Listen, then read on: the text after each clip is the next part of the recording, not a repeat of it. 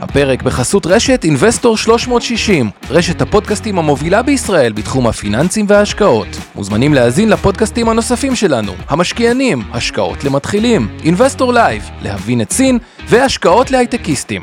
הופק ונערך על ידי שמע, פודקאסטים ויצירות סאונד. אוקיי, שלום לכולם. הפרק הזה הוקלט בפודקאסט שלנו למתקדמים שנקרא משקיענים דוגרי. אתם כבר ברמה שאתם יכולים להצטרף אלינו גם לשם. את הפרק הזה הקלטנו עם תום ליבנה, מנכ"ל ומייסד ורביט, unicorn, שהגיע תוך ארבע וחצי שנים להיות יוניקורם, שזו חברה ששווה מעל מיליארד, הוא גם חבר, מכיר אותו מהעבר, ואנחנו בעצם עושים בדיקת נאותות, due diligence לוורביט. מה בעצם שואלים שבודקים השקעה? במקרה הזה החברה היא פרטית, אבל זה נכון גם לכל חברה ציבורית. חלק קטן מהמושגים אתם לא תכירו, אבל הרעיון הכללי מאוד מעניין, אז כדאי לכם להאזין. ואם אהבתם, תעקבו אחרינו גם בפודקאסט המשקיענים, פודקאסט מעולה או יותר מתקדמים, ובכלל רעיונות יש גם ב Investor Live, רעיונות מהסגנון הזה שמראיינים one on one, בכירי שוק ההון ואנשים מעניינים, כמו שתשמעו בפודקאסט הזה. let's go.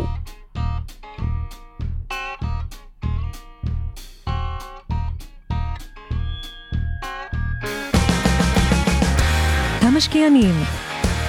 אבנר סטפאק ועומר רבינוביץ' בשיחה חופשית על התחומים החמים ביותר בעולם ההשקעות. אוקיי, אז ערב טוב אבנר, ערב טוב אה, תום. ערב טוב. אה, כמו שאמרנו, אנחנו הולכים לעשות בפעם הראשונה New Diligence Live, לקחת תחום מעניין, סיפור מרתק אגב, חברה שבארבע וחצי שנים הפכה להיות אה, יוניקורם. אה, יוניקורן, ומכיר מי שיודע, המון חברה של מיליארד דולר כן. ומעלה, צריך להגיד את זה, כן. למרות שהם כבר, רוב עם ישראל יודע מה זה יוניקורן, אבל כן, עדיין כל יש יום כאלה ב- שלא. ב- אה, אה, בכותרות. אה, אבל לפני שנעשה ככה New Diligence Live ושאלות ודברים, ואז גם ניקח, אני רוצה כן להשאיר זמן בסוף, לעשות קצת פרי סטייל. זה אומר שאחרי שנדבר על אה, ורבי, קצת על חברות ציבוריות ושוק, ואיך אתה רואה אותו, ואתה בטוח מכיר גם את הישראליות, כי זה בסוף, כל עולם היזמים זה סוג של ברנז'ה, שכולם מכירים את אה, אה, כולם. לפני שנצטט את יעל רוחגין, שכותבת, יואו, תום לבנה הוא גאון. בוא נראה, בוא נראה. זאת אשתי. יפה. יפה, איזה. פרגון, איזה פרגון, הוא יפה. גאון, את יודעת. וואלה, עכשיו אני. מפחד להגיד מה אשתי תכתוב. קיבלנו גם תיקון מדני, שוורביט זה גם בני אדם, אז זה נכון אה, חלקית לפחות, תכף אתה תספר לנו, תום ליבנה. יאללה, אז אנחנו עוברים למנה העיקרית. תודה רבה, תום ליבנה, שהגעת אלינו. תודה שהזמנתם. אתה כמעט הראשון, אפשר, אתה הראשון שמנכ"ל חברה, שאנחנו מאחלים לך ומקווים שאו-טו-טו, לא יודע, אוטוטו, אבל בזמן הסביר תהפוך להיות בעצמה חברה נסחרת בנסדק, נכון? זו התוכנית לפחות. אה, וכבר אני- מוגדרת מה שאמרנו יוניקורן, כלומר חברה שהגיוס האחרון שלה כבר היה לפי מיליארד דולר, נכון? מיליארד? בדיוק, או כמעט. למעלה ממיליארד. למעלה ממיליארד, עוד יותר טוב. גיוס אחרון 150 ומשהו מיליון דולר, אם אני לא טועה. אה, ובגדול, אה, אנחנו הולכים גם להשתמש בך, אני מודה קצת כדוגמה, כי אנחנו עושים גם חינוך פיננסי, ולא רק אה, מדברים על אקטואליה, אבל להראות איך אנחנו מנתחים חברה וכולי. אבל בעיקר לשמוע ככה, אז אולי תתחיל ככה פרי סטייל קצת על החברה, הנתונים העיקריים, הדברים, על עצמך, אגב, אנשים לא מכירים. יש לך סיפור מדהים, אגב. זה, זה, אני, אני אקדים ואגיד משהו. אה, אני, תמיד אחת השאלות הראשונות ששואלים על חברה זה כאילו, אוקיי, מאיפה הגיע הרעיון? הפיין, מאיפה, מה שהפיין זה, זה כן, איפה, מה, מה כאב למי, איפה יש פה איזה בעיה בשוק שמנסים לפתור אותה. ובהרבה מאוד חברות, בעיקר היום, הפיין הוא לא אותנטי, זאת אומרת, היזם לא הגיע מהאזור שהוא הרגיש צורך, מצוקה כלשהי בעבודה באיזה משהו, ואמר, אה, זה נותן לי רעיון, אני אקים סטארט-אפ. אלא אנשים באו לפתור בעיות שאחרים אה, גילו. ואתה דווקא באמת התחלת מה, מהקישקס של הבעיה שאתה מנסה לפתור. לגמרי.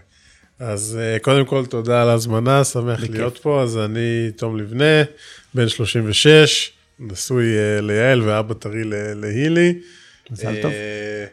אה, כן, ובאמת, אני בעוונותיי עורך דין, אה, אף אחד לא מושלם, אין מה לעשות. צודק. נשבעתי שלא נארח עורכי דין וכבר אני מפר את ההתחייבות הראשונה, אה, לא, בסדר. היום אני יזם. כן, אז אתה כבר יכול להסיר את כן, הטייטל הזה, אבל- כן. אבל באמת זה מתחבר, באמת, כמו שאמרת, לפיין, אז אז בתור עורך דין היו שני דברים שגרמו לי בעצם אה, להקים את ורביט. אחד, שבתור עורך דין עבדתי בתור יועץ משפטי עם יזמים, והבנתי שאני לא רוצה להיות היועץ שלהם, אלא היזם בעצמי. והדבר השני, שראיתי כמה זמן וכמה כסף היינו מוצאים על הדבר הזה שנקרא תמלול משפטי.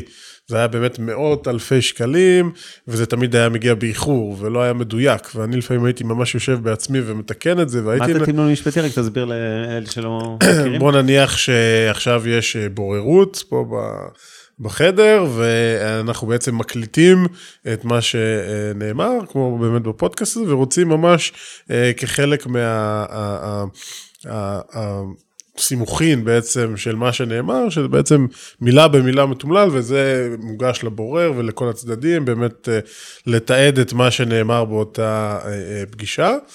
אז, אז באמת אה, זה תמיד היה מגיע באיחור, אותם תמלולים, ותמיד זה היה מגיע לא מדויק, אני הייתי יושב בעצמי, אה, קורא ו- ומתקן, וזה היה ממש מתסכל, כן? וכל פעם היינו מחליפים את הספק שהיינו עובדים איתו, אה, ואז באיזשהו שלב אמרתי לעצמי, תשמע, חייב להיות איזשהו פתרון טכנולוגי, דיגיטלי, משהו קצת יותר מתקדם, ואחרי שבאמת חקרתי את השוק ולא מצאתי, אמרתי, טוב, אז אם אני כל כך מתוסכל, אולי אני אנסה לפתור את זה, אני בטוח שיש עוד הרבה אנשים כמוני מתוסכלים, ואז שאתה מתחיל בעצם ללמוד על, ה, על העולם הזה, אז ראיתי שבאמת... אה, אה, תמלול משפטי זה use case אחד, יש עוד המון המון use cases, אם זה אה, תמלול של הרצאות בעולם האקדמיה, אם זה בעולם הרפואה, בעולם המדיה, close captioning, באמת המון המון use cases, ומה שהיה משותף להכל, שלא היה חברה שהיא מובילה, זה שוק מאוד, מה שנקרא.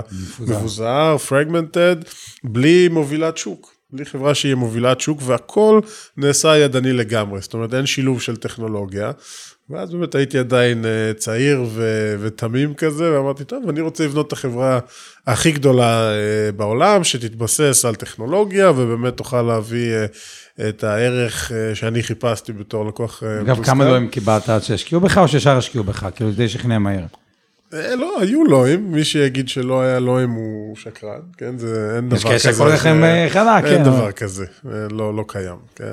לא, לא מכיר יזם אחד שלא, שלא קיבל לא, אתה יודע, מאנדיי שהנפיקו אה, חודש שעבר, ומגונג שגייסו גיוס מטורף חודש שעבר, כן? זה לא... כל היזמים קיבלו לא, כולל אותי. אה, זהו, ואתה יודע, אז באמת לפני ארבע וחצי שנים התחלתי את המסע הזה, היום אנחנו אה, כמעט 400 עובדים. אה, אה, כמו שאמרנו, גייסנו עד היום למעלה מ-200 מיליון דולר, והשווי האחרון הוא למעלה ממיליארד. השנה נעבור את רף ההכנסות של 100 מיליון דולר בשנה. כבר השנה, או כוונה בסוף שנה, קצב ARR יהיה מעל 100 כאילו. כן, יהיה gap revenue של רבעון מעל 25 מיליון דולר. יפה מאוד. כן. אה, אז בוא נתחיל ככה, בוחנים לבחון השקעה, דבר ראשון, total addressable market. מה גודל שוק התמלול בעולם? כאילו, עד כמה השוק הזה גדול, כאילו, שיש לכם הזדמנות לצמוח. ואם אתם מתעניינים כל השפות, כלומר, כל השפות רלוונטיות לכם? אז, אז באמת, אה, שוק התמלול, ההערכה שלנו הוא שוק של 30 מיליארד דולר. בשנה, וואו. בשנה, אה, באמת שזה מרכיב ביחד את כל ה-use cases ואת כל הוורטיקלים השונים ואת כל השפות השונות, אז אנחנו היום באמת אה, 98% מההכנסות שלנו הם באנגלית. כמה אגב שוק התרגום באנגלית מתוך ה-30 מיליארד בערך? אה, חצי, חצי. כן. הגיוני. כן. אה, אז זה, זה ההערכות שלנו, ועשינו את זה באמת bottom up, זאת אומרת, מלמטה, כאילו, אם זה בתחום החינוך, כמה אוניברסיטאות יש, ו- ו- וכמה אה, שעות כל אוניברסיטה כזאת אה, צריכה לתמלל בשנה, ולייצר את, ה- אה, את ההכפלות, ולייצר בעצם אגב, את ההערכות שלנו. מתוך השוק הזה, מתוך ה-15 מיליארד, החברה המובילה, נגיד תהיו, אתם כבר חברה מובילה, אבל לאיזה גודל שוק פוטנציאלי סביר יש, שכאילו לא, שאתם יכולים אז, לקחת אז, אותו? אז, חמ... אז גם ה-15 מיליארד, עוד פעם, זה מחולק להמון המון use cases שונים, כי בדרך כלל אתה לא רואה חברה שהיא מולטי לנגוויג' ומולטי ורטיקל. זאת אומרת, אנחנו כבר היום פעילים בשלושה ורטיקלים של האקדמיה ואדיוקיישן, של הליגל ו- אה, והמשפט ועולם המדיה, כן? אז, איזה אז עולם הערבי, סליחה? מדיה, מדיה. כן, כן. אה, ו- ובאמת אנחנו מתכננים להמשיך להתרחב לעולמות של, של אינשורנס ופייננס והלפקר וגוורמנט. כ- כמה ורטיקלים יש? כאילו, ה-15 מיליארד נגיד, כמה ורטיקלים הוא מחולק? אנחנו זיהינו שמונה מובילים. נקרא לזה ככה. לא יש אה, ש- עוד הרבה... אבל שמונה דוג- מובילים זה 50 אחוז מהשוק או יותר מזה. לא, כאילו, יותר יותר. כן. כאילו, הש- השמונה המובילים זה רוב השוק. כלומר, כן. כיסית את שמונה המובילים האלה, לקחת את רוב השוק, אז זה ה... כן, אז לשאלתך, אין חברה שפעילה בכל השמונה, אז אנחנו באמת באנו עם החזון שרוצים להיות מולטי ורטיקל, מולטי לנגוויג', מולטי ג'אוגרפיק, ועכשיו באמת שאנחנו חושבים קדימה, אז שזה אפילו עוד יותר, אה, באמת שאתה מגיע לקראת הנפקה, אתה מתחיל לחשוב, רגע, איך אנחנו משרטטים שהשוק הוא כמה שיותר גדול. אז באמת במקרה שלנו, יש מה שאנחנו קוראים לזה Beyond Transcription, כן, ניתן איזושהי דוגמה, שאתה מתמלל את העדות בבית משפט, ואותו עד לפני שבוע העיד, ועכשיו הוא סותר את עצמו. אז אנחנו, יש לנו את התמלול, ואנחנו בעצם יודעים אה, להצביע לאותם משרדי עורכי דין אה, על, על הסתירה.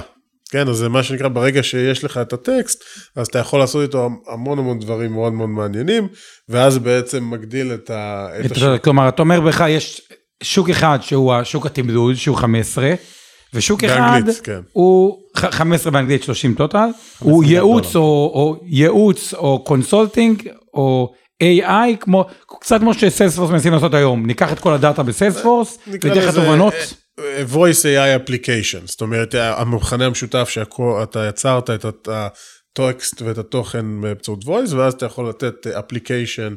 כל vertical, אם זה נגיד במדיה, אז לקחת את התוכן, לעשות אותו SEO ולדעת להביא traffic לאותו אתר. אם זה בעולם האקדמיה, לדעת לעשות סיכום של ההרצאה ולייצר קוויזים אוטומטיים לסטודנטים ולראות ה engagement. סתם, אתה יודע, אני ממציא עכשיו איתך כאילו, תוך אה, כדי תוך כדי. שידור, אבל, אבל לא תמיד יש. המון דברים נוספים. שאתה יכול לעשות מעבר ל... לזה, ו- ו- וזה כן. כביכול הוורטיקל. אגב, זה קצת מתחבר לי לנקודה שבהשקעות, ובכוונה רגע אנחנו עושים את זה מתודי, כי אמרנו הרבה על איך עושים new diligence ואיך בודקים חברה, אז יש משפט שאני מאוד מאוד אוהב, שאנשים underestimated, ופה גם חלק מהוויכוחים שלפעמים אה, איתך, על הזנב שכאילו what can go right, או איזה ורטיקל עוד לא קיים, ובדיוק כמו שמ... ברור, אנשים קל לראות את מה שהחברה עושה, את המודל שהיא פועלת בו, ולהעריך בצורה סבירה כזו או אחרת כמה הוא יצמח. יותר קשה לדמיין מוצרים נוספים, מהסוג שאתה מתאר עכשיו, המודלים של ה-AI, נכון, שכמו. שאף אחד לא חושב שמ eBay תצא PayPal, או מאמזון יצא AWS, כאילו דברים כאלה, או... כן, אני מסכים, אנחנו לא חלוקים. אוקיי, כל עסק, אחת הבעיות שאתה אומר, אתה היום, דיברתם על ARR, מי שלא מכיר, אתה רוצה אולי... annual run rate, אה, אה, לא משנה, כן. קצב הכנסות, אה, ההכנסות שנתי, השנתי, נניח 100 יהיה מיליון דולר. שוק אדיר. מה שיטת שיווק? איך, כאילו, שיווק, וגם. דיברתם על אולי רכישות, acquisition, כלומר, איך צומחים לא רק דיברו. מ-100 למיליארד, לדעתי, ושמעתי אותך מדבר על המספר הזה, מיליארד revenue, כאיזשהו target, חמש עד שבע. אני מה? שהקמתי את ורביט היה לי כזה את החלום טוב להגיע להיות unicorn עכשיו באמת אה, הגשמנו אותו טוב אז what is next אז באמת קבענו את היעד של אה, אה, באמת נקרא לזה בין 4 ל-6 שנים להגיע למיליארד דולר הכנסות ויש לנו היום בוורביט שלושה מנועי צמיחה עיקריים. מנוע צמיחה אחד זה באמת uh, להביא לקוחות חדשים, New Logos, יש לנו צוות מכירות, Inside Sales, יש Partnerships שבאמת מביאים לוגוים חדשים uh, על מנת uh, לשרת אותם בוורטיקלים השונים, ובאמת בכל ורטיקל אתה צריך להבין, רגע, מי הלקוח?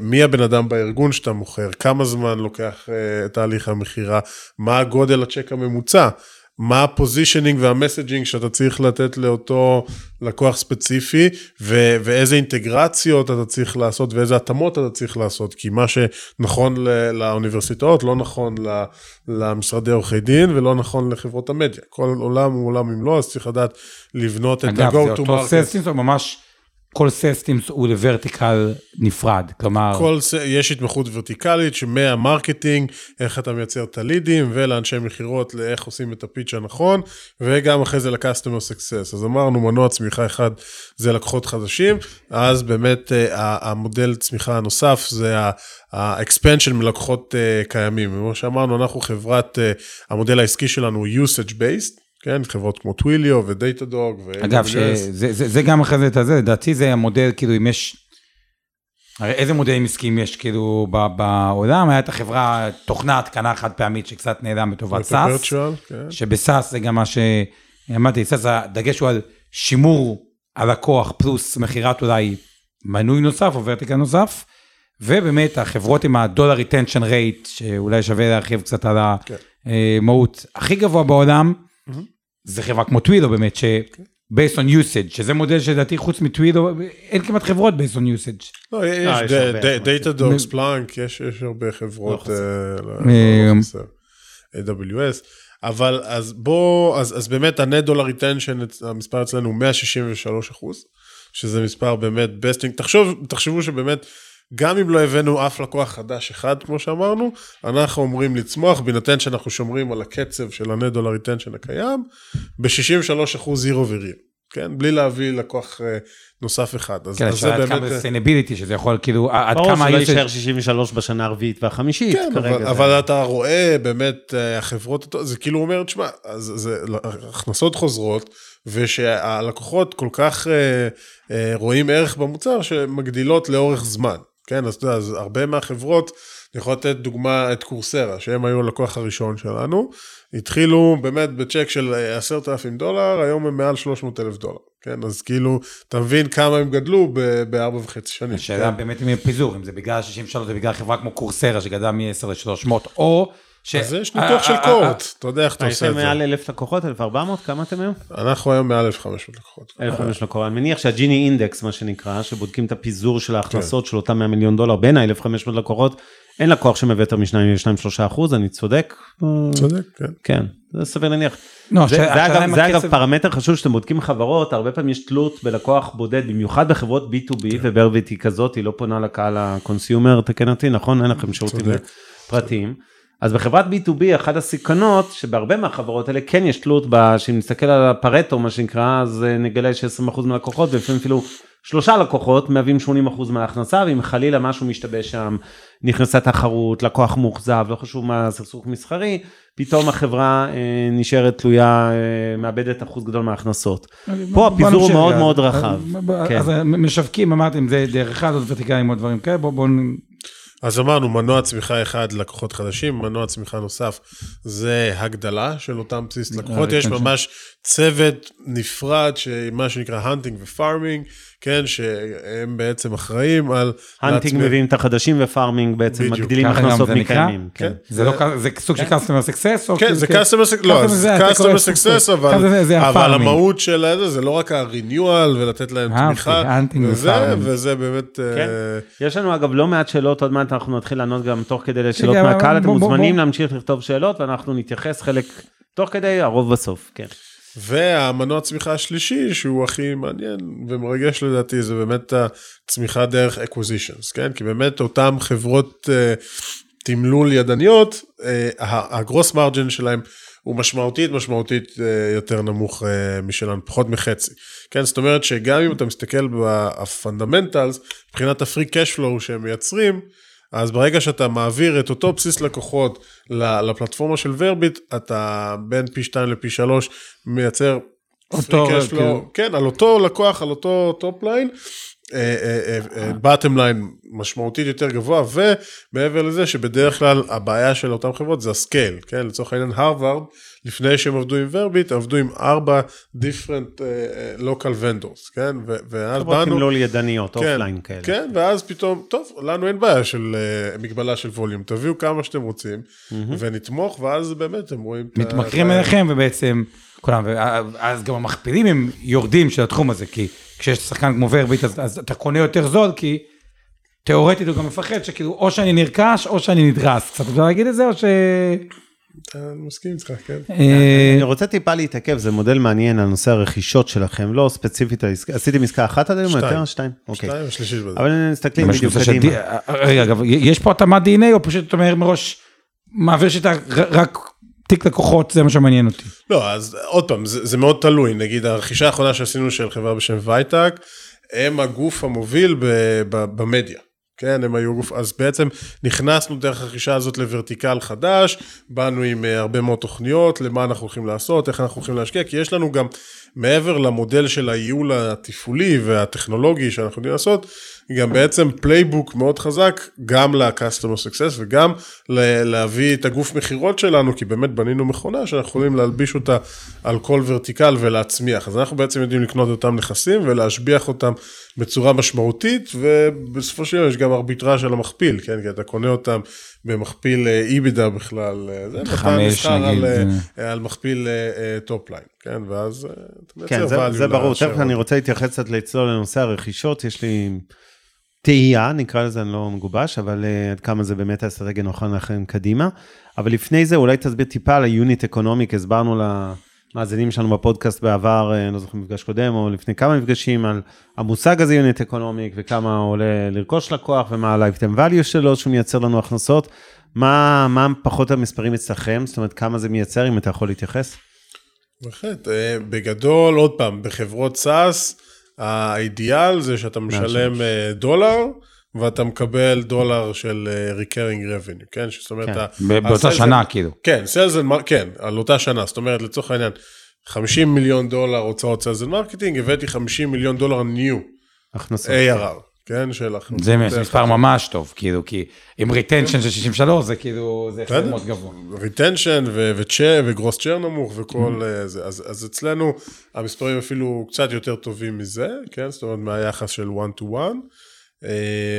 ועוד פעם, אצל...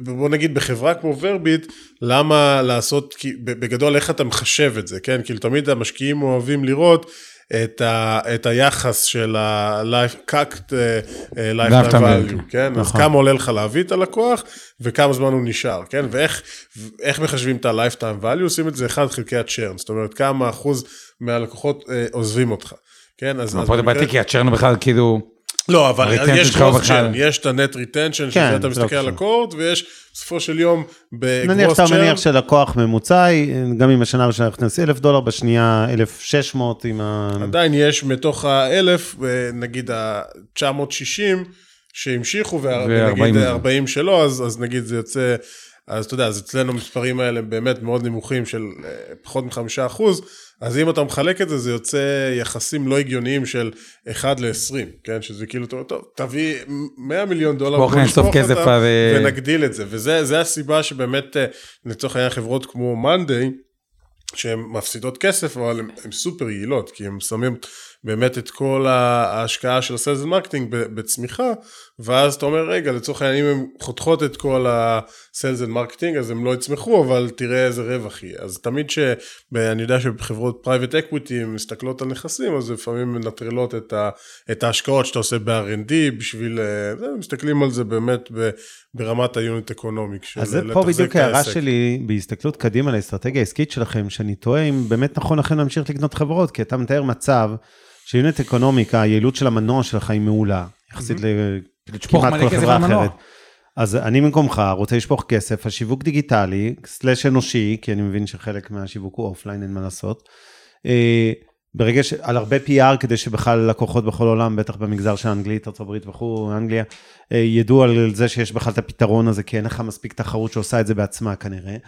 ואז בעצם, אני אומר, למה להשקיע בלקנות חברה ב-100 מיליון דולר, לרתק הון עתק, חברה שעושה היום 30 אחוז gross margin, נגיד 30 מיליון דולר, ונשאר לה איזה 12 EBITDA, ואתה משלם עליה, סתם אני ממציא מכפיל 10, וזה עלה לך 120 מיליון לא, זה דולר. לא מכפילים, מכפילים יותר לא, נמוכים. לא, לא, לא, לא, בחברת offline, אני מניח שזה מכפיל מכפיל 10, חמש, שש, 12, מה פתאום? שבע. 4 עד 7, סבבה, 7, שילמת עליה 85 מיליון דולר אז בדוגמה מה הזאת. אמרנו? מה אמרנו מקודם? מביא 100 מיליון top line, שילמת עליה 80, אז היחס כן, הוא אבל אני כבר, חושב אה, זה. שב-80 ומשהו האלה ששילמת עליה, אם אתה שופך את זה בשיווק דיגיטלי, slash sales and marketing אופלייני, אתה אמור לייצר עוד יותר אפילו במושגי זה. אתה מסתכל על אז- הארביטראז' הפיננסי, שאתה אומר, אני קונה חברת offline, מדביק אותה חברת אבל זה לא טכנולוגיה, אה, אה, והופך אה. מכפיל אה, לא, אז, אז אני אסביר לך, offline יש. לזה, דבר ראשון, אתה מקבל ודאות הרבה יותר גבוהה ל, ל...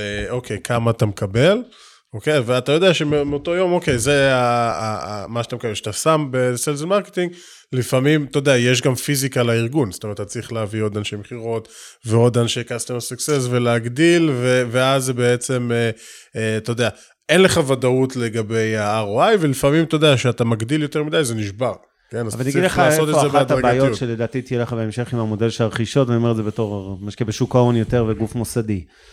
אם אנחנו רואים חברה שאחוז גדול מההכנסות שלה נובע מפעילות אופליינית, מהעובדה שקנית חברת תמלול ו- ולא קנברת את כל הלקוחות שלה יחסית מהר ל- לעבודה דיגיטלית, אלא אחוז גדול מההכנסות נשאר הכנסות מפעם מהעובדים שיושבים ומתעללים אה, את הטקסטים, ואז אני מסתכל על ה-100% הכנסות שלך, ואני אומר, נניח שאתה תהיה ב-300 מיליון דולר, אבל רק 120 מזה נגיד דיגיטלי, 40 אחוז, ו-60 אחוז יגיע מרכישות כאלה שעדיין לא קונברטו ועובדים עדיין באופליין, אז אני, אני, זה יוריד לך משמעותית את המכפיל, כי אני אגיד, אני אוקיי, מסכים. אז הוא לא כזה חברת הייטק, הוא... אני מסכים, אבל אצלנו נדל"ניסט, היופי קונה נדל"ן. שזה זה בתוך רבעון אתה עושה את ההמרה הזאת. זה היופי של תחשוב. תוך רבעון כל הכוחות עברו נגיד בחברת ב- מדיה? ב- ב- בעסקה הראשונה שעשינו, תוך uh, פחות מרבעון, כן, זה, זה עבר. בעסקה הזאת, אז עוד פעם, יש לנו טיפה product gaps שאנחנו עכשיו משלימים, ובאותו רגע שאנחנו נשלים, כבר חלק עברו, כי יש גם אז זה לא חדשות real טובות time. מאוד. אז, אז, אבל זה אומר שתחשוב, כי ב- איך זה עובד, אתה שולח אודיו ל- לא- לפלטפורמה הזאת, ומאותו רגע אתה לא יודע מה קורה ב backend. אז אנחנו בעצם באותו, אומרים תעשה routing במקום לפלטפורמה הזאת, לפלטפורמה של ורביט, ו- כן. ומתמללים, והוא לא יודע אפילו שזה אנחנו מאחורה. עוד לא נתקלתם בוועדי. עובדים שמנסים לעצור לכם את העסקאות ואת זה שאתם בעצם... אה, לא, אנחנו עוד פעם, אנחנו לא באים להחליף את אותם מתמללים, אנחנו באים לתת להם כלים הרבה יותר טכנולוגיים ולהיות כן הרבה יותר... זה בסדר? זה טכנולוגיה. למה? לא, אגב, זה אחד הדברים היפים ש- שאני, כאילו, רואה, זה, זה הפתרונות ה-80-20, אוקיי, ה-90-10, מה הכוונה? גם המתמלל, אין לו, כאילו, עבודה הרבה יותר כיפית היא, עשו בשבילך את רוב העבודה, ותקן את הטעויות המרכזיות, מאשר תעשה הכל מסקרץ'. כן. כאילו שזה לא, בעצם אני, אני מבין. את זה, אני רק אומר, בסוף, בכנות, וזה לא, אני לא רואה את זה כדבר שלילי, זה אבולוציה טבעית של מגזר עסקי ושל טכנולוגיה. חברת ורביט תחליף הרבה מאוד אנשים ותשלח אותם הביתה, לא עובדי החברה, אני מדבר על אנשים שעובדים בשוק הזה, בתמלול, שכירים, פרילנסרים, וזה בסדר, זה, זה, זה, ככה עובד העולם. אז רגע, שנייה. ככל שאתה, היום יש איזה אחוז טעויות, אני לא יודע כמה הוא אגב, כמה, מה אחוז הטעויות היום בתמלול, בסדר גודל? של ה-AI? שלכם, כן. לא, אנחנו נותנים התחייבות ללקוח. לא, בסוף אתה משלים את זה כן. ידנית. אבל ברמת ה-AI בממוצע זה 90 אחוז. זאת עשרה אחוז שגויים, שזה מטפלים, מתמללים אנשים כן. בשר ודם שמתקנים. כן. זה אגב מזכיר לי, בשנות ה-90 הייתה טכנולוגיה דומה, לא בעולמות שלכם, אבל במה שנקרא OCR, הטכנולוגיה שלקחו טקסטים, ואמרו, אוקיי, אנחנו אה, אנשים אז... ועד היום לא פתרו את. ה... עדיין 90-10 של ה-OCR. לא, זה יותר. עזוב, 93, אבל זה כן. 7. זה הגיע אוקיי. בסוף, אני חושב שזה הגיע לאזור ה-97, 3 אפילו, אבל נגיד שאתה צודק ב-93, 7. צריך להבין, בעמוד ממוצע של ספר יש אלף מילים. כן. 7 אחוז, זה נשמע מעט, זה כאילו נשמע אחלה טכנולוגיה, אבל 7 אחוז או 10 אחוז, זה 70 או 100 טעויות לתקן. זאת אומרת, פה באמת צריך הרבה כוח אדם. אבל אני חושב שככל שאתם, ובטוח שתשפרו הרי את הטכנולוגיה והאחוזים ילכו וישתפרו, והיום 90-10 וזה 96-4 או לא יודע למה בעוד שלוש שנים. אז הצורך בכוח אדם, מה גם שצריך להגיד בכנות, לא כל תמלול זה לבתי משפט, כמו שאמרת, זה רק אחד מארבעת הסקטורים שאתם פועלים בהם, ומדיה אולי זה גם מאוד רגיש, אני לא יודע אם אוניברסיטה זה רמת רגישות של אה, כתוביות עכשיו כי יש רגולציה. אנחנו אוהבים דווקא את האזורים שיש את הצורך של ה-99 אחוז, אחרת יש חברות כמו גונג או קורוס שנרכשה היום ב-575 מיליון דולר, שלא צריך את ה-100 אחוז, שגם ה-90 אחוז מספיק, יש הרבה אוקיי. דוגמאות כאלה. נגיע באמת. אתם הצלחתם ב- בעזרת השילוב הזה בין ה... להגיע למאה, ש... כן, אגב, מתחייבים בעצם למאה, כן. אה, אגב, עד כמה זה חוסך כסף? לחברות, לחברה, כאילו, אני- ללקוח הסופי. אני נגיד עכשיו באוניברסיטה, לפני זה הלכתי ל vendor המקומי. אתם, המודל שלכם, אנחנו עושים את זה יותר טוב, או שאנחנו גם חוסכים לכם כסף? כאילו, מה ה speech? עוד פעם, בהתחלה שנכנסנו לשוק, חד משמעית זה היה גם אה, competition על price. היום, בגלל שאתה יודע, השקענו באמת עשרות עשרות מיליוני דולרים ב-R&D, אז המוצר הוא כל כך הרבה יותר טוב, שאתה לא רוצה to differentiate yourself על ה- אתה אומר, אני את ה price. המחיר, אבל רק... לא, בוא, בוא נגיד שב default אתה משמעותית יותר זול מהידניים, כן? אתה- אין- אין- זאת אומרת, ה- אתה- ה- ה unit economy, המבנה עלויות שלך הוא כל כך הרבה. יותר טוב, כי 90% זה המכונה. לא, זה העלויות שלך, אבל לקוח הקצה, זה ריב על ה quality, או גם אתה נותן discount במחיר? לעומת אה, תמלול ידני, אתה מקבל הנחה משמעותית. אתה מקבל הנחה משמעותית במחיר. כלומר, מוצר יותר טוב במחיר... אה, אה, אגב, מה יכול, מבחינת רגע סיכונים, אה, מה יכול לגרום לזה ש... כי על פניו, אתה אומר, יש מוצר יותר טוב. מחיר יותר זול, יותר מהר, יותר מדויק. יותר מהיר גם, יש scale. יש scale, יש הכל. תיאורטית, total addressable market של 15 מיליארד, 30. 15 מיליארד באנגלית, 30 מיליארד באנגלית, לפני ורטיקלים נוספים. מה לדעתך הסיכון המרכזי שכאילו יכול כאילו לדפוק את הצמיחה האקספוננציאלית, סליחה על השפה, אבל כאילו לגרום למשין להיות עם צמיחה אקספוננציאלית, שכאילו, מה, מה יכול לשבור את זה? לא, לא הבנתי את השאלה, מה יכול לשבור כלומר, את מה, מה? בעצם יכול למנוע מכם? על פניו זה נראה שהדרך למיליארד מובטחת הכנסות. מה, מה, מה, מה הסיכונים? הסיכונים זה, אני ידוע בתור אה, מנכ"ל מאוד אגרסיבי, שתמיד מותח את, ה, אה, את היעדים ואת הזה מאוד לקצה, ואז אתה יודע, אתה יכול להישבר, כן? זאת אומרת, אתה מנסה לעשות אה, יותר מדי אגרסיבי, ואז אתה פשוט נכנס לאיזה לופ כזה, שגייסת יותר מדי אנשים, ואתה עוד אה, לא בשל, ואז אתה נכנס לאיזשהו סחרור כזה, ש... אה, אפשר לצאת ממנו, אבל, אבל זה קשה, אז צריך כאילו באמת להיות אה, זהיר, בשביל לא לדחוק יותר מדי ולא לשבור את הזה, כי באמת אה, הדרך לייצר value אה, אה, למשקיעים ולנו בתור בעלי מניות, זה באמת להמשיך את ה-continuous growth, כן? ו- וגם אם אתה עושה רכישות פתאום שהן גדולות מדי, ואז אתה, אחוז תמיכה שלך יורד, אז, אז גם יכולים להסתכל על זה פתאום אה, בצורה... אה, עד כמה אה, יש... אגב, אני אהבתי את המודל של הרכישות, אני לא כל כך מסכים איתך, אבנר, אני חושב שזה דווקא, כאילו, אם ה conversion של הלקוחות הוא ב backend והוא יחסית יעיל, זה נשמע לי הוא לא, סופר לא רק שהוא הגיוני, כי- לא, כי- כי, כי ה- הוא יותר מיעיל, אני אתן דוגמה של הרכישה הראשונה, כי הרכישה השנייה השלמנו אותה ממש לפני חודש וחצי.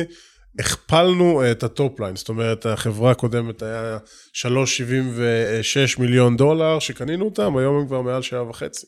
אותו עסק על אותו בסיס נכון. באנו להם, אמרנו להם, תקשיבו, היה לכם עכשיו. בעיה של scale, אין בעיה, תשלחו כמה דקות שאתם רוצים, ופתאום זה כאילו- פשוט פרץ את זאת אומרת, אם הסכר. אני מבין נכון, הערך מוסף המרכזי, או אחד המרכזיים שלכם, מעבר ל commitment לעשות 100% ללא טעויות, זה יותר דווקא הזמן והיכולת ל- ל- ל- במהירות רבה לעשות אה, ערימות כן. של אה, תמלולים, מאשר נגיד ההבחנה, ההורדה במחיר, לעומת אה, הוצאתם דולר, תוציאו עכשיו אה, 20 סנט. יש, יש הרבה, אני אנסה לתמצת את זה. אוקיי. אחד זה באמת, כמו שאמרת, ה-commitment ל-accuracy, אחרי זה זה ה-speed, זאת אומרת, ה-turnaround time, אתה עושה את זה, אם uh, בשוק הליגל זה עשרה business days, אתה יכול לתת את זה בביזנס אחד, כן? וזה מאוד מאוד משמעותי. אז המהירות, כמו שאמרת, גם המחיר, אחרי זה זה הסקלביליות, אחרי זה זה בעצם ה...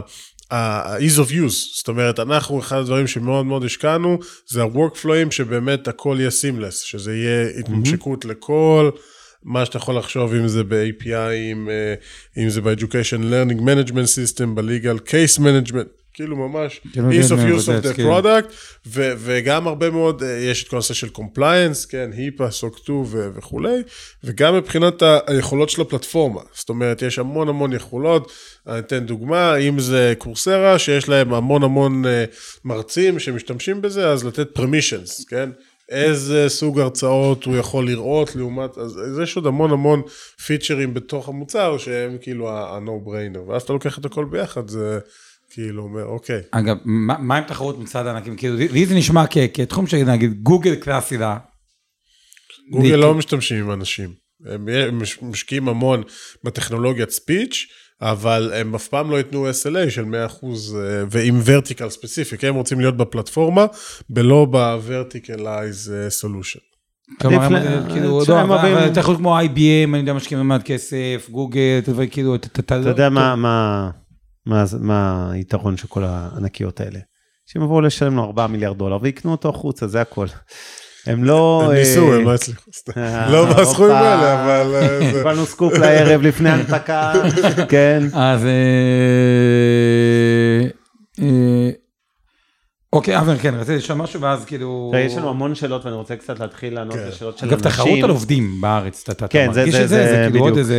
אתגר מטורף. בדיוק היום. היה איזשהו פוסט אה, על המנכ"ל של AnyVision שפרסם איזה משהו אה, שקרא לכל המנכ"לים לא להשת- להשתתף בחגיגה המטורפת הזאת שכל ילד שסיים 8200 רוצה סכומים באמת אה, כן. הזויים. זה היה אבל זה השוק. היום, כאילו, חסר טאלנט. אני חושב שעוד פעם, אה, או שלא, או שלא חסר. אולי לא, יקים אה, את אה, הסתדרות המעסיקים בהייטק. לא, אבל אני אגיד לכם איך- אני רואה את זה בגדול, כן? יש, נכנס כמויות אדירות של כסף ל- לשוק, ואז אתה רואה את זה באותו דבר, כי, כי, כי יש כמות מוגבלת של אנשים אה, בטק, ו- ואז, אוקיי, בגלל הכמות המוגבלת, אז מן הסתם היצע וביקוש, ואז אותם מחירים והמשכורות אה, עולים. האסטרטגיה שלנו בתוך חברה, יש לנו שתי mission statement אה, אה, מאוד, מעבר, אתה יודע, ל... חברה בצמיחה ו- ו unicorn וכל ה buzzwords האלה, יש שני דברים מרכזיים. אחד, אנחנו עוזרים לאנשים עם מוגבלויות. כן, אנחנו רוצים שאנשים יתחברו למה שאנחנו עושים. ברגע, אתה אומר, תשמע, יש עוד חברות סייבר, אבל אנחנו יודעים שמה שוורביט עושה, יש עשרות מיליוני אנשים כל יום, כולל ברגע זה, עם CNN ופוקס ודיסני, שצופים בתמלולים שאנחנו מייצרים, ועוזרים להם ליהנות מהתוכן הזה. אוקיי? אז, אז אנשים, זה מדבר אליהם, אחד. שתיים, אנחנו, יש לנו היום מעל 30 אלף מתמללים, גם במדינות עולם שלישי וכולי. ככל שאנחנו נצליח, נצליח לצמוח בתור חברה, אנחנו נייצר יותר מקומות עבודה בעולם. אובר של התמלול. אוקיי, אז אנשים מתחברים לזה, ואז אה, אומרים, אוקיי, אני לא, השכר זה מרכיב חשוב, אין ספק, אנחנו קומפטיטיב, אבל מנסים באמת כמה שפחות להיגרר. למלחמת... למלחמת אה, מחירים הזאת, ובאמת אה, להביא את האנשים כי הם מאמינים במה שאנחנו עושים ומתחברים אליו. כמה עובדים אתם מעסיקים בישראל אגב? 140, והרוב בעצם בחו"ל, נכון? או- כן, הרוב בארצות הברית. וכמה בכלל זה R&D וכמה זה עובדים בארץ אה, כמעט 100 של R&D product ו- וכולי, אה, ואז השאר יש לנו קצת HR ו-Finance ו-Operation שמנהלים את ה... בחו"ל אני מניח שיש מעט כן. R&D, הרוב זה... כן, הרוב זה Sales Marketing Customer Success. אז, אני חושב. שמהזווית הזאת של האתגר המאוד קשה לחברות טכנולוגיה של אה, HR היום, ואני מכיר את זה גם פה מ eToro כמובן, מאוד קשה לנו לגייס עובדים, עושה רושם שדווקא לך יש חיים קלים יחסית, כי יחסית משקל אחוז ה-R&D הוא לא מטורף, אתה לא צריך עכשיו 700 מהנדסים, גם אם תגדל פי שלוש, אז אולי המאה יעלה ל-200, אבל הוא לא יגדל כנראה ל-700, ואז בעצם אתה יכול אה, יחסית לצלוח את המשבר השכר המתהווה הזה בתעשיית ההייטק, אה, יותר בקלות נקרא לזה. מקווה שאתה צודק, כן. אמ, אני מאמין שכן, למרות שאני בהחלט, אני לא יודע אם להגיד אופטימי או פסימי, תלוי אה, כן איזה, מאיזה צד מסתכלים של העובד או מעסיק, אבל העובדים, אה, החגיגה תימשך. אגב, הגם שאני צופה מתישהו, ואף אחד לא יודע לתזמן בועות שהחגיגה הזאת של תיגמר. אה, נסדק וכולי, והרבה מהסגמנטים מנסדק, ו- וכמובן זה ישליך גם על השוק הפרטי וגיוסי הון.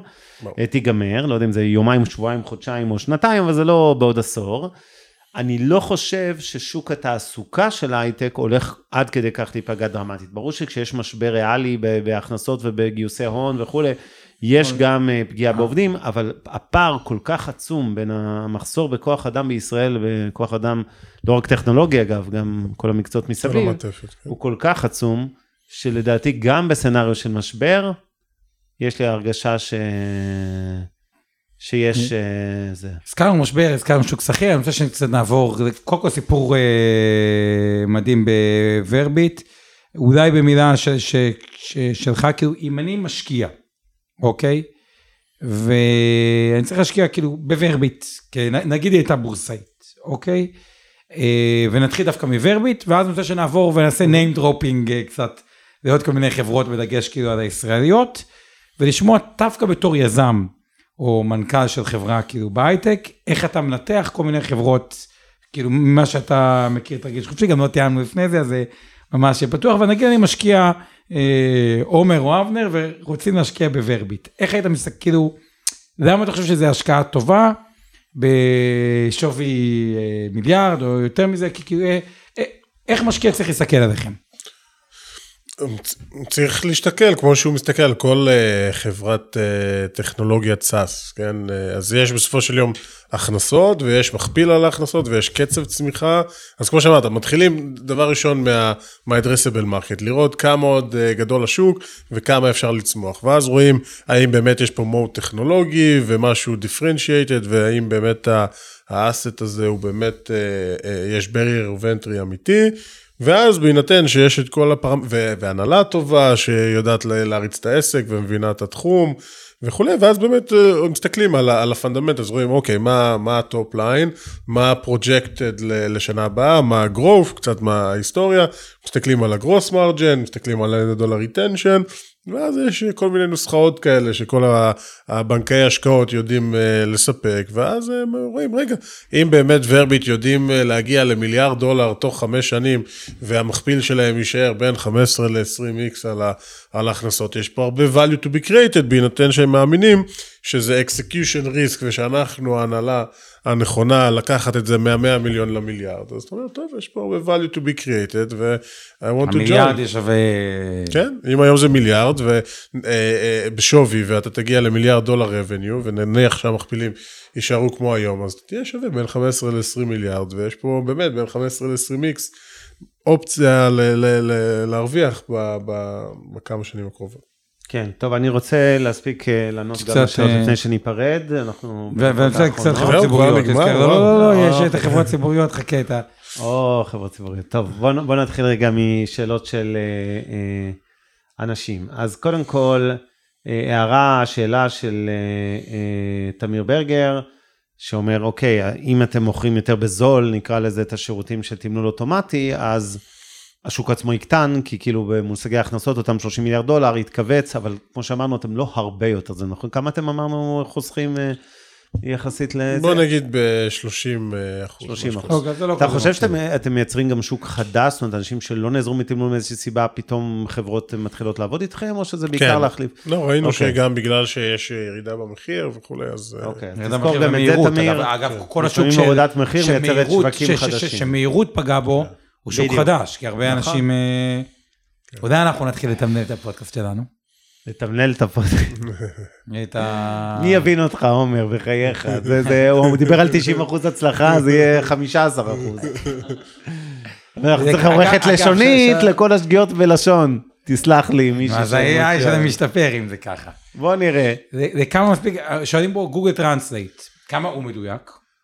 Translate זה תרגום, זה עולם אחר, אבל נניח כן, זה שזה, כן. שזה התמלול של גוגל, אז אמרנו, אה, אה, יש לנו comparison שאנחנו עושים את זה על בסיס אה, אה, אה, חודשי. בדומיינים שאנחנו האמנו את הטכנולוגיה, אם זה באקדמיה, משפט וכולי, אז, אז הם בסביבות ה-80-85 אחוז, ואנחנו, יש לנו את היתרון של הדומיין הספציפי, אבל באמת, אנחנו מתמקדים באיפה שצריך את ה-100 אחוז, וה... וה-speech to text בחמש שנים, אפילו עשור הקרוב לא יגיע לדעתי כן. ל-100 אחוז. כן, אני מסכים, זה ברור. אה, כן, נתן, הם לא לפני הנפקה ברמה שיש תאריך לעוד אה, חודשיים, אבל אה, בוא נגיד שהם לא כן. מתכוונים להישאר כנראה אה, פרטיים חברה פרטית. לנצח. כן. אה, נילי שואלת, האם אתם יודעים לעשות אגב, למה לא, פילוחים? גם שאלה, למה לא להמשיך יותר פ- פרטים בשוק של היום? אין לזה... תראה, נכון, אם הוא ממשיך אין באסטרטגיית הרכישות, אם הוא ממשיך. באסטרטגיה הזאת, יש לו currency. והוא חלקית די שכנע אותי בזה, לא עד הסוף, אבל? אני חצי? השתכנעתי. עדיין התחושה שלי, שוב, שכנעת אותי בזה שה conversion הוא מהיר, משהו לא מסתדר לי עם זה שאני חושב שהיעילות מנוע, שאמורה להיות סופר גבוהה לפי מה שאתה מתאר, אמורה יותר לתמוך ב marketing מאשר עדיין ברכישות. זאת אומרת, מהירות הכסף, כי אם אתה קונה חברה במכפיל נניח 7, אז אני אסביר. יש stickiness של הלקוח. יש ואתה מתרגם את זה שנייה למכפיל 3-4 אצלך, כי אתה יודע לחסוך עלויות ובלה בלה בלה. עדיין, השקל הדולר הבא שאתה תשקיע ב marketing, אתה מחזיר אותו כל כך מהר, שלעומת מכפיל 3, EBITDA, שזה בערך נגיד מכפיל 4-5 נקי אחרי מס, שזה 4-5 שנים, כאילו אתה לא אמור להחזיר את זה הרבה יותר. מהר. אבל אני אומר עוד פעם, יש, לא, אנחנו ראינו את זה? שיש relationship שמאוד מאוד חזק של אותם אונרס עם אותם uh, לקוחות, שכאילו אומר, תשמע, בשביל 20% פחות לוורביט, בסדר עם כל ה... זה, זה לא, לא, אני מכיר אותו, אני יודע איך הוא עושה את זה, הוא... הוא, הוא כאילו לא יעלי, CNN זה- עוברים הוא מאוד לא יעלי, כן, ואז אבל- שווה לנו במקום לנסות להציק לו כל הזמן, פשוט כן, אבל לקנות כשאתה את פועל בשוק. של 30 מיליארד דולר, ואתה עדיין שחקן של 100 מיליון דולר, שזה 0.0 משהו מזה, ואני כן חושב שיש לכם יתרון עצום אחד, אינטואיטיבית, בשוק כזה, זה אמנם לא the winner takes it all, לא יהיה פה איזה שחקן אחד שיום אחד ישלוט ב-20 מיליארד הכנסות, אבל יהיו קומץ שחקנים, אגב, גם לא בטוח. בוא, ענקים. בוא נשאל אותך את השאלה הזאת אוקיי, שאתה, מה- שאתה שוכח. כמה חברות, אתה, יש לך קצת ניסיון, ראית בישראל שקמו, מיום ההקמה, תוך ארבע וחצי שנים הם במעל אה, 100 מיליון דולר מכירות. לא הרבה, מעט מאוד, ברור. מעט מאוד. זניח מאוד. הדרך לעשות את זה, זה גם את זה, וזה לא שזה בא על חשבון, יש זה שלוש כן בעיה חבר'ה, כי דיסציפלות. יש לך מגבלות הון, בסוף אתה לא יכול, אתה יודע... איזה זה- מגבלות הון במחקרים של היום? תקשיב, הוא. גייס עכשיו 150 זה- מיליון דולר. הוא יכול לגייס חוב נניח עוד 200-300 מיליון דולר on top of this. זאת אומרת זה שיש לא לו עכשיו... אבל צריך ברכישת לדעת לעכל את הרכישות האלה. תמיד אתה צריך גם זמן, ברגע שעיכלת, אתה מגייס עוד, לא, על להפך, הכל עוד יותר מהר. ברכישות זה הרבה יותר מסובך, אני אומר את זה כמי שקנה קצת מעל 40 חברות, נגיד ב-15 שנים האחרונות בתחום שלי, של שוק ההון, זה בדיוק העניין, זה חלק מהסיבה שאני כאילו קצת נרתע מרכישות, למרות שאני עושה אותן בעצמי, כי אני אומר, אתה צריך להקל, חלק מהרכישות פחות מוצלחות ולפחות מהמספרים שאתה מתכנן, יהיה לך בעיות של כוח אדם ומיזוגים וכאב ראש והרבה מאוד דברים שבשיווק יש לך פחות, כי יש לך scale ואתה יכול לגייס על הפלטפורמה הקיימת שלך בקלות, יש לך 1,500 לקוחות, עוד 4,000 לקוחות בתוך שנה, בשיווק אורגני ישיר, ועל פניו, וזה לא עושה לך כאב ראש כזה גדול, אתה כזה זה לא שאני גדילה. לא עושה את זה, זה היופי. כן, אבל בסוף אם אני, אם, אם יש לי תקציב אני, כן. אומר, אני אומר, אוקיי, היום יש לי 150 מיליון דולר בקופה, ונגיד שיהיה לי עוד 200 מיליון דולר מ... לא משנה, חוב או venture debt, ראיתי שבאיזשהו מקום עשיתי מסיליקון ואלי בנק, נכון? כן. נניח סתם דוגמה שיהיה לך 400 מיליון דולר אפילו. ונניח שהעסק יפסיד X כי אתה רוצה לממן צמיחה ואתה מוכן להפסיד כרגע בצדק כסף, בדיוק כמו שנתת דוגמה טובה של וויקס וכולי, ואתה אומר, או של מאנדיי סליחה, שאתה אומר, אוקיי, אני, אתה רוצה להקריב כרגע את השורת הרווח בשביל הצמיחה, דבר חכם לעשות כמובן. ואז אני אומר, אוקיי, אם יש לי היום 400 מיליון דולר, ואני צריך לבחור מה מזה אני הולך לרכישות ומה מזה שיווק אורגני, אם הנוהל ה-unit economic של השיווק האורגני הוא מאוד מאוד יעיל, נראה לי שאת הרוב המכריע אני רוצה לשם. ואם אתה אומר, אוקיי, אני אה, ראיתי שהשקעתי 50, התקציב היה 50 מיליון דולר, עבד טוב, אני רוצה להכפיל שנה הבאה. אתה לא, אם אתה תנסה לעשות פי 10, זה לדעתי, זה בדיוק מה שאמרתי, שזה יכול להישבר ואתה... זה, ברור of acquisition לאט לאט אה, אמור לעלות עם השנים, או כן, וככל שתשפוך יותר כסף, אז. הדולר השולי כבר לא יעיל או כמו ש- הראשון. אה, או יש שאתה פה רואה את ה-ROI באמת. נגיד שהוא רכש. חברה של מדיה, הוא נכנס לוורטיקל חדש. אה, מפה דווקא הוא יכול להגיד את הדבר הבא, רכשתי ורטיקל חדש, מפה עכשיו אני יכול לעלות לוורטיקל את הזה. זה אני מבין, לקנות בכל ורטיקל מהארבע חברה אחת, הייתי עושה. אז, אז זה מה שאנחנו... לא הייתי קונה את החברה השנייה, השלישית והרביעית באותו ורטיקל. אני מסכים. כי אתה יכול, אה, אוקיי, דווקא אבל בסדר, קחו אותי בערבון מוגבל, הוא מנהל את העסק, הוא הקים אותו, הוא עשה יוניקורן של מיליארד דולר, אני סתם מקשקש פה, ולא מספיק מכיר את העסק. אוקיי, אז עוד כמה אה, שאלות שהיה לנו פה אה, מצופים שלנו, אה, אחוז ההצלחה כבר דיברנו, אה, ככה, אה, מנחם העיר לנו שכדאי לו לרכוש חברות לוורביט, כדאי לקנות חברות כי היא תרוויח יותר, כי היא מגדילה את השוק הקיים שלה.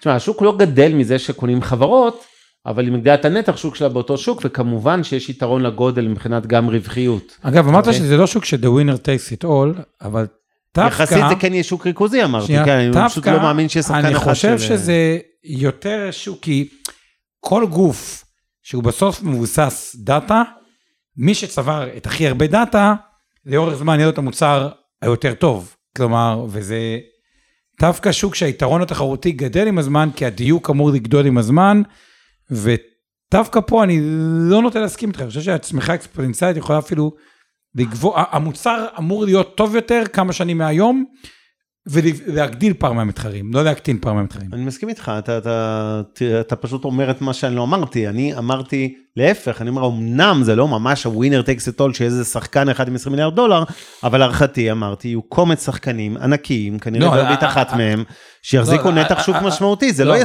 זה לא שוק, אה, לא, אם אני היום שוק התמלול, שנייה. לשחקן הכי גדול יש לו כל אולי מה שאני אומר, אחוז, לא יודע כמה מהם. אני כופר בקומץ שחקנים, כי זה לדעתי מקרה קלאסי, לא יודע, אני צריך לחשוב על זה עוד טיפה, אבל זה מקרה קלאסי, שלא הולך להיות קומץ שחקנים, כי שוב, אה, אוקיי, אז אתה כופר, אתה צודק, אני חושב שיהיה מעט יחסית. לא, אני חושב שזה שוק שאין הצדקה להוציא הבדלי שפה, גרמנית, רוסית ודברים כאלה, אין הצדקה ליותר משחקן אחד, כי בסוף, אתה כן סותר.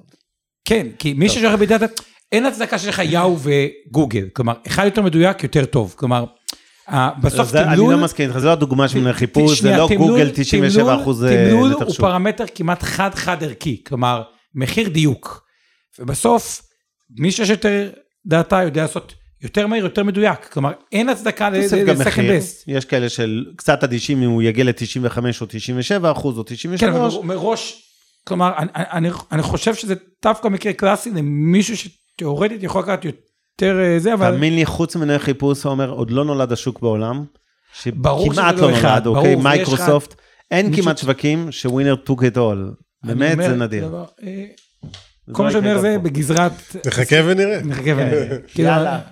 אה, טוב, שואל מנחם, אתם מציעים שירותים לגופים ממשלתיים בחוזה ארוכי טווח? אני מניח שהוא בא מהמגזר הזה בישראל, ואני לא יודעת כמה אתם- אתם פעילים בעברית בכלל? אתם עושים היום אה, התחלנו בישראל? ממש לאחרונה, וכן, אנחנו מתכננים גם אה, אוקיי, וב- להתרחב לגברמנט. ו- והיום בחו"ל או בישראל אתם עושים באמת אה, חוזים ארוכי טווח עם ממשלות, או... אז government זה vertical נוסף שאנחנו לא פעילים בו עדיין, אבל אנחנו מתכננים באמת להתרחב שנה הבאה.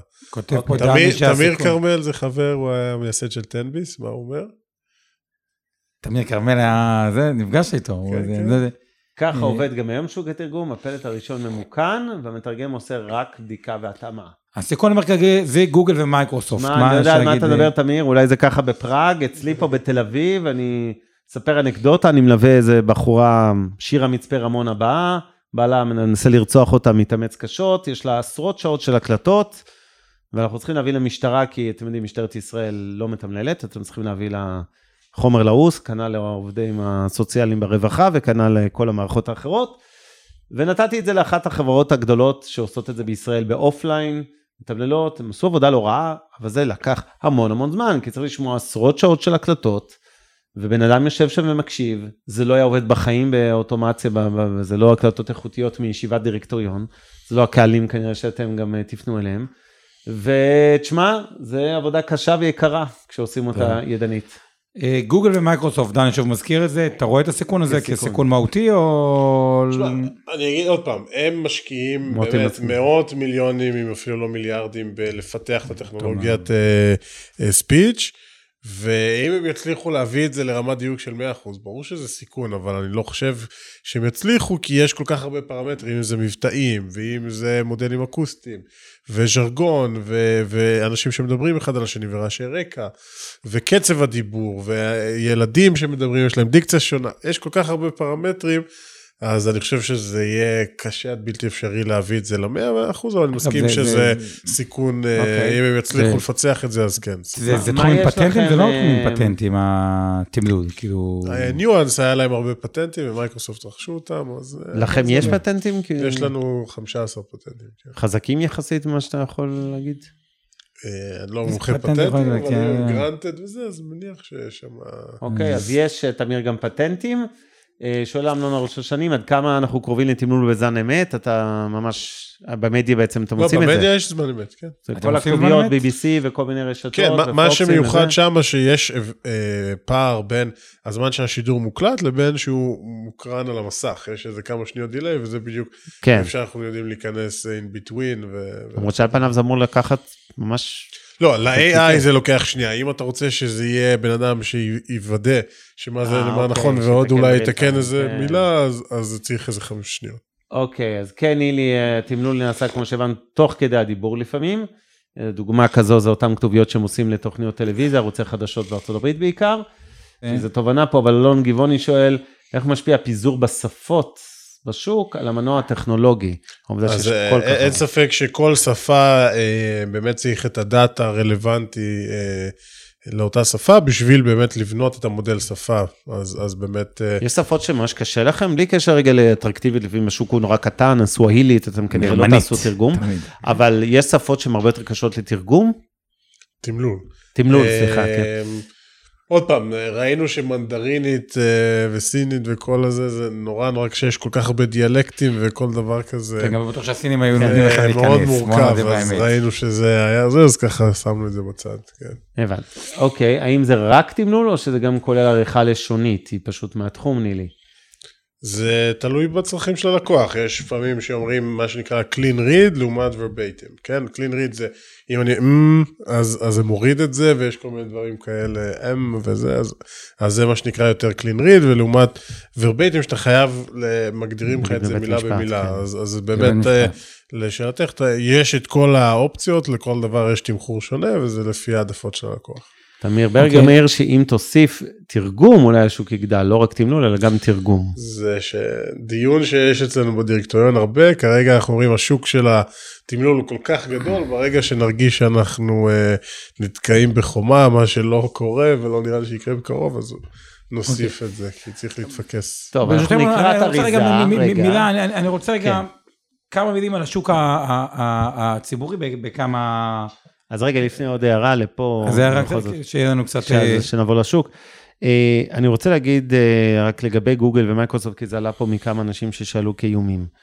ברור שזה איום. מצד שני, הרבה פעמים זה גם ההזדמנות, כי החברות האלה, הן יותר אלופות בלקנות חברות כמו ורביט, מאשר בלייצר את הכל in-house. הן עושות את זה כל הזמן, עכשיו זה בשוק בהמון... מייקרוסופט שתי טריליון דולר, כלומר גם אם צריכה לשלם צ'ק עשרה מיליארד, כאילו זה... כן, שילמו מייקרוסופט לניואנס 19.7 מיליארד על ה healthcare, כן? כאילו, ניואנס זה חברת אה, voice to text, כן? מאוד אה, ותיקה, עם distribution אה, אה, מאוד טוב ב-healthcare ו-access לדאטה מאוד מעניין ב-healthcare, אז כן, לגמרי. אז כן, לא בטוח, זאת אומרת, גם אם החברה הזאת תגיע לנסדק אה, בדרך, יכול מאוד להיות שעוד כמה שנים, או אולי אפילו אם יהיה מזל לפני זה, שלא. תירכש אה, על ידי זה, אתה, אתה מעדיף שלא, אתה לא רוצה למכור. לא, אני- מה אני אעשה יום אחרי? אני אקים עוד חברה כנראה, אבל... נו, אה, מה רע? אבל אתה יודע, אתה baby שאתה יצרת, ואתה רוצה. לעשות הכי גדול שאפשר, כן. מחר מביאים לך צ'ק, 2 מיליארד דולר מגוגל, או אומרים לך עוד חצי שנה אתה בבורסה. בבורסה, חד משמעית. יפה, תשובה כנה ומזריזה. אה, טוב, תעמוד למבחן עם כי הדבר הזה, אני בבורסה זה מעריך. יהיה אחרי זה 4 מיליארד ו-10 מיליארד, אז פה אתה כן. מוגבל ב- אבל, אני חייב, אה, כן, אני רק רוצה לחזור להערה הזאת ולהגיד בקיצור, שורה תחתונה, שלא משנה כמה, כמה רחוק תגיע במסלול הציבורי של הנפקה וכולי, אני חושב שיש לך יתרון אחד מהותי, שלא תמיד קיים בחברות טכנולוגיה, וזה באמת שיש גם מי שירצה, וזה ה-fallback position נקרא לזה, אם משהו goes wrong, יהיה תמיד את השחקני ענק שיש להם אינטרס לקנות אותך. ו... אמ, וזה תמיד בעיניי נוח כזה לדעת שאתה יכול לפתח, לרוץ עצמאית ובאמת להנפיק חברה ולא לא לרוץ למכור אותה וזה, אבל כאילו לדעת שאוקיי, something goes wrong, בהנחה שזה לא ממש קטסטרופה, אז תמיד יש את ה-fallback position ש... למרות שאתה צריך צ'ק לזכור, נגיד. היה כמו מקרה יוטיוב, שגוגל החליטו לקנות את יוטיוב, ומספרי 2, 3 וזה פשוט נכחדו, כאילו, אז יכול להיות שהם קונים אחרים, ואז... ברור אה, שלא אבל- יקנו, כן, אבל אם הוא... אבל בדרך כלל מספיק שהוא יהיה, בוא, אם הוא יהיה אחד מהשלושה ארבעה מובילי שוק, ויכול להיות שאתה כבר אגב, היום יש שם בקטגוריה הזאת. כאילו, עוד? פעם, זה בליגל, אז יש אה, את החברה של הליגל, ובהלפקר היה את ניואנס, אז זה באמת מאוד מאוד תלוי ב...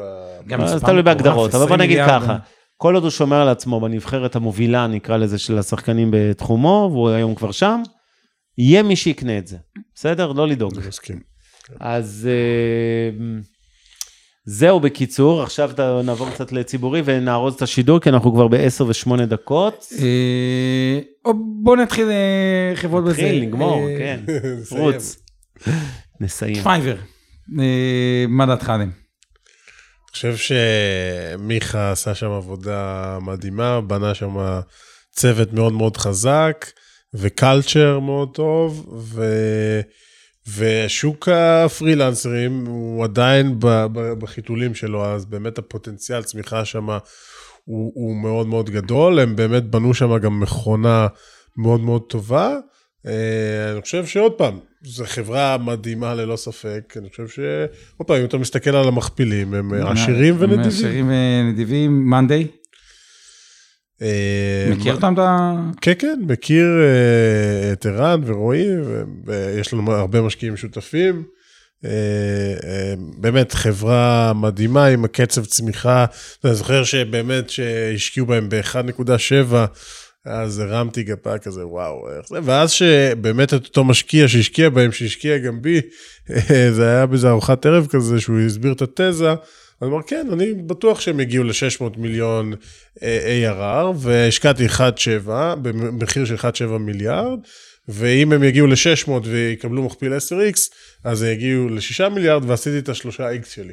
כן, ברור שהוא טעה בגדול במכפילים, ו- ועשה אחלה return, אז עוד פעם, הם, הם באמת אה, בנו שם מכונת marketing, הם וגם, ו-culture כאילו, אה, מדהים, שבאמת כאילו, זה, אתה לא רואה. אה, כ- כל שני וחמישי, באמת חברה שהעובדים כל כך אה, אוהבים את ה-brand ואת החברה, ו, ומה שנקרא עשייה חיובית, והכל עם מבוסס על דאטה, באמת צופה להם עתיד גדול, אבל עוד פעם, כמו שאתה רואה, הם היום ב-top 10 של המכפילים, מעל 30 X, אז כן, כן, הוא מאוד יקר, אבל ההופכי של זה, נגיד, דווקא אני מבין חברה, monday הבעלים או אתה, אתה עדיין תחילת הדרך עד כמה שזה נשמע מצחיק, אבל ארבע וחצי שנים. דווקא בוותיקות נגיד, וויקס כזאתי. אני בטוח שאבישי אברהמי, הוא כבר לא עם אותו passion שהוא היה... או שכן, לא יודע, זה, זה, זה, זה שונה, או... או אני חושב איך, ש- איך אתה רואה נגיד את ההבדל, מה נגיד חברה כמו וויקס? עוד פעם, כל חברה, אבל אתה מדבר על ה... דיברת על ה-passion, אז אני חושב ש... עוד פעם, אין לי ספק שאבישי קם והולך בבוקר, הוא אומר, וואלה, יש לי איזה 30 אלף share holders, והם השקיעו uh, בחברה שאני הקמתי, ואני רוצ... אחראי להם לייצר להם את הערך הזה. אז כן, יש לו את התחושת מחויבות, זה- ואתה בסופו של יום, עוד פעם, זה ה-baby שאתה הקמת, אתה נהנה לקום בבוקר לראות uh, שאתה מפרנס כל כך הרבה אנשים, אתה מייצר גם עסק שהוא, הוא, אה, אתה יודע, מביא ערך להמון אנשים, אתה יודע, בקורונה הרבה מאוד עסקים עברו לוויקס ופתחו אונליין ו- והצילו אותם. כן, אז, אז, אז באמת, אה, כשאתה רואה את העשייה הזאת, אז, אז אתה, אתה נהנה, ואין ספק שאבישי הוא איש product, אה, נראה לי מהטובים שיש בארץ, אם לא הטוב בהם, אז הוא כל הזמן הרוח החיה שדוחף את זה, ואיזה עוד מוצרים נעשה, ו, ו, ויפתח את זה. Lemonade, שעליה גם יש הרבה debate, כאילו תחום ביטוח עד כמה unit economic אה, חזק. Lemonade, עוד פעם, שאני קראתי את ה-F1 שלהם, אני לא השקעתי בהנפקה, למרות שיכולתי. את ה... אה, בגלל שהמחיר אה, עשיר מאוד ולא האמנתי. למרות שהם עשו 120 אחוז נראה לי ב-first day pop. Similarweb. Similarweb אני בעל מניות שם, אז אני לא יכול להגיד יותר מדי. אה, אם אני בעל מניות נראה לי זה אומר. איזה עוד אחרי הישראליות? טוב, Salesforce זה ענקיות, זה כבר אה, יותר הזווית הישראלית. אה, דווקא? JFrog, JFrog. JFrog אגב. JFrog אז ה-CFO שלהם, ג'ייקוב שולמן הוא board member ב-Verbit, הוא ה-chairman של ה-audit committee, עוזר לנו להכין את החברה להנפקה, ואני חושב ש-JFrog זה סיפור מדהים, כן? כאילו הם הנפיקו, הגיעו עד ל-95 דולר למניה כן, בשיא, ירדו עד ל-34, הכל זה בתקופת זמן של בערך חצי שנה, כן? אז uh, זה באמת uh, מטורף המטוטלת הזאת, אני חושב שהפונדמנטל שם מאוד מאוד בריאים, שלומי מנהל את העסק באמת uh, לא נותן ללחצים חיצוניים, רגע, למה אתם מייצרים מזומנים, תצמחו יותר מהר וכולי, והוא באמת עושה שם עבודה. מי החמישה הזרים הכי טובים בארץ לדעתך, שאתה מכיר, שנתקלת בהם וככה... וואו, איזה שאלה. אה, עמית מגונג, אין ספק שהוא עושה שם עבודה אה, לשטוף את העיניים ו- וללמוד. אה, אני חושב שרועי ורן ממאנדיי הם אה, באמת אה, מדהימים. מי עוד יש לנו? בערך כל השמות שאמרנו, גם שלומי מ-JFrog, הוא עושה שם עבודה חבל הזמן. אה, תומר וייגרטן מ-SentinelOne, באמת... כן, אתה גם... עשה אה. כאילו, אה, אה, זה, ואני מאוד אוהב, אה, שכחתי, כמובן תומר מ-ironSource, וגם יוני מ-eToro, אני אעשה. חבר, עד- כמה זמים עוזרים אחד לשני או נפגשים? כאילו, איך... כאילו, נפ- יש- נפגשים הרבה ועוזרים, אתה יודע, אתה, יש דברים ש- שאתה, רק כשאתה מדבר עם מנכ"ל ויזם, שאתה יכול באמת, לא יודע, להבין אחד את השני. ועד כמה שאלה אחרונה אולי אתה תדבר, עד כמה קרנות אתה מרגיש נותנות ערך גבוה, כלומר קרנות, המשקיעים העיקריים שלכם מי זה, ויולה ו... אני יכול להגיד שעוד פעם, אה, מי מי המשקיעים המרכזיים ב... Vertex, ספייר, ויולה, Stripes. כן, הם ה... כולם מחזיקים מעל 10 אחוז. אה, אז, אז היופי הוא, זה, זה שילוב של שניים. אחד, זה גם לדעת איך אתה מוציא מאותן קרנות. זאת אומרת, לא לחכות שהם יבואו ויעזרו לך להגיד, אוקיי, אני צריך intro לזה, אני צריך שתעשה לי ככה, אני צריך שתחבר אותי לפה. ממש לדעת לשאוב את זה. הם- אה, ברור זה- שהם זה- עוזרים, אתה צריך לדעת אה, זה, ואם לא, אז גם, טוב, תמצאו לי אה, זה. ודבר שני, לדעת לעשות את הקומפוזיציה הנכונה ב-board, שאוקיי, הוא באמת מאוד טוב בפיננסים, הוא מאוד טוב ב-marketing, הוא יודע מאוד מחובר להביא לי אה, אנשים אה, לצוות, ל-HR, אז באמת לדעת את הקומפוזיציה ובאמת אה, ל- לחלק את ה... ולהפעיל אותם נכון. את הזה. טוב, מעניין. טוב, אנחנו נקרא את אריזה שאלה האחרונה מסקרנת אותי. הנפקת את החברה בנאסדק עוד כמה חודשים בלי נדר. יום אחד היא גדלה, צמחה, הגיעה למספרים הרבה יותר גבוהים אפילו ממה שהיא הנפקה. יש לך מיליארד דולר בבנק באישי. מכרת מניות, ממש יצאת, יש לך מיליארד דולר באישי, מה אתה עושה עם הכסף? אה, כאילו, אני ממשיך לחיות אותו דבר, מקים חברה חדשה, לא, החברה כאילו- החדשה לא צריכה מיליארד דולר. לא, אבל דבר ראשון, זה, זה אני כמות... יכול כ- לשאול אותך את השאלה. לא, אבל זה, זה, זה כמות כסף ש. שאתה בטוח לא תצליח להוציא אותה, גם אם אתה ממש תרצה כל ימי חייך. אז צריך uh, to do well, זאת אומרת, להראות איך אתה בפילנטרופיה, אתה משקיע את זה ו, ומייצר. אני חושב שחינוך זה משהו מאוד מאוד חשוב. שאתה רוצה לייצר הזדמנות שווה, אז אתה באמת רוצה כאילו לנסות לתקן, להיכנס בגאפס כאלה שנוצרו באופן טבעי, ובאמת איך- לראות איך אתה יכול אגב, זה מטורף. האדיוטק, זה לא טובה. פיצחו אותו מספיק טוב, לדעתי זה, זה, זה, זה עדיין אה, בלתי ברור, אבל נשים את זה רגע בצד. טוב, יאללה, אני חושב שאנחנו אה, נתארגן כן. לאריזה, אני אעשה 30 שניות של הפינה החברתית שאני תמיד גונב לכם, ואנחנו נגיד תודות כבר לכולם. אה, אז היום אני רוצה לדבר על קהל, זה ככה ממש מתחבר לוורביט, זה חרשים ולקויי שמיעה, יש לנו לא מעט כאלה שמאזינים לנו, או יותר צופים בנו, לא מאזינים. בגלל זה יש לנו את איתן גרבר שעושה סימון, ואת אה, רבית אבני ואת אה, אה, שיר פלדמן שעושה את התמלול בלייב. והבנתם אה, נכון, יכול להיות שיום אחד יהיה פה ורביט במקום. אה, לא, לא, אני צוחק, אתם אה, תמיד תעבדו אצלנו, הכל טוב, לבריאות. וזהו, אז אני רוצה לספר לכם על עמותת בקול, עמותה של חרשים לקויי שמיעה בישראל, אחת מאלה שאני הכי אוהב, אני תורם לה כבר המון שנים, עמותה מעולה, רצינית, עושה הרבה מאוד פרויקטים, אה, כולל אה, מוזיקה, אה, וכמובן הרבה מאוד עבודת לובינג, ועוזרים ב- למצוא עבודה בתעסוקה אה, אה, לחרשים לקויי שמיעה, וכמובן הרבה מאוד סדנאות וכולי. אה, אז זה אחלה עמותה. אה, אני אגיד שאני מאוד אוהב את הקהל הזה, אתם יודעים שאנחנו מעסיקים במיטב דש הרבה חרשים לקויי שמיעה. אה, אני לימדתי המון שנים במקיף יהוד את הכיתות של החרשים, אה, יש כל שכבה יש כיתה אחת של חרשים ולקויי שמיעה, הייתי מורה לכלכלה ושוק ההון, חמש שנים שם, היה מדהים, אה, ולכן תמיד, תמיד, תמיד ברעיונות שלנו יש תמיד תמלול, תמיד בלייב, תמיד זה, ואנחנו המהדרין, אנחנו חרדים של, של אה, אה, בעיות שמיעה, אז אנחנו גם אה, מביאים את איתן גרבר שיעשה גם סימון, כי לא כל החרשים ולקויי שמיעה מס- אה, מסתדרים או מסתפקים בתמלול.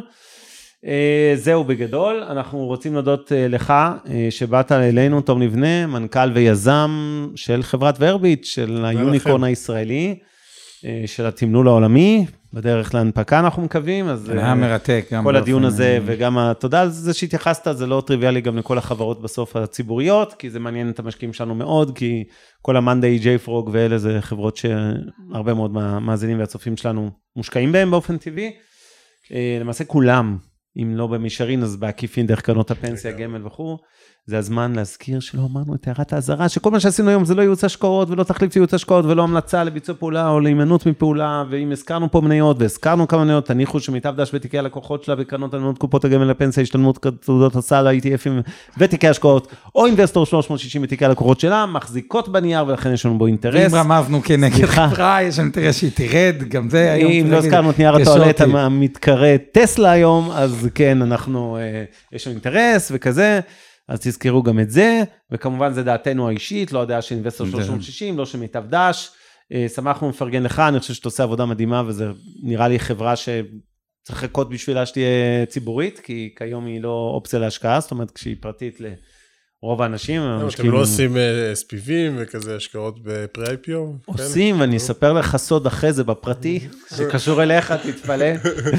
אה, אבל אה, בסדר, נגיע לזה. תודה לצוות שהיה איתנו היום, עוז גצק שמנהל את השידור, הצוות של אינבסטור 360, עמי ארביב, אור חלמיש ואורן ברסקי, אורי טולדנו טולדנו. משמע שתמיד איתנו על הפודקאסטים. אה, נראה לי תעשו- לכולם. תסיים ביפה שלך. תעשו. טוב, זה חוזר עם ריבית כן. והצמדה. מעוניינים ללמוד יותר על עולם ההשקעות? האזינו לפודקאסטים נוספים שלנו. המשקיענים, אבנר סטפאק ועומר רבינוביץ' בתוכנית אקטואלית עם כל מה שחם בעולם ההשקעות. Investor 360 Live, אורן ברסקי ועומר רבינוביץ' מארחים את בכירי שוק ההון ומבינים את הטרנדים החשובים לשנים הקרובות. להבין את סין עם יובל ויינרב, עם כל מה שרציתם לדעת על הענקית מהמזרח. השקעות להייטקיסטים עם צח איציק, שיבנה איתכם תוכנית כלכלית להגשמת החלומות שלכם, והפודקאסט ההשקעות למתחילים, לכל מי שעושה את צעדיו הראשונים בעולם ההשקעות.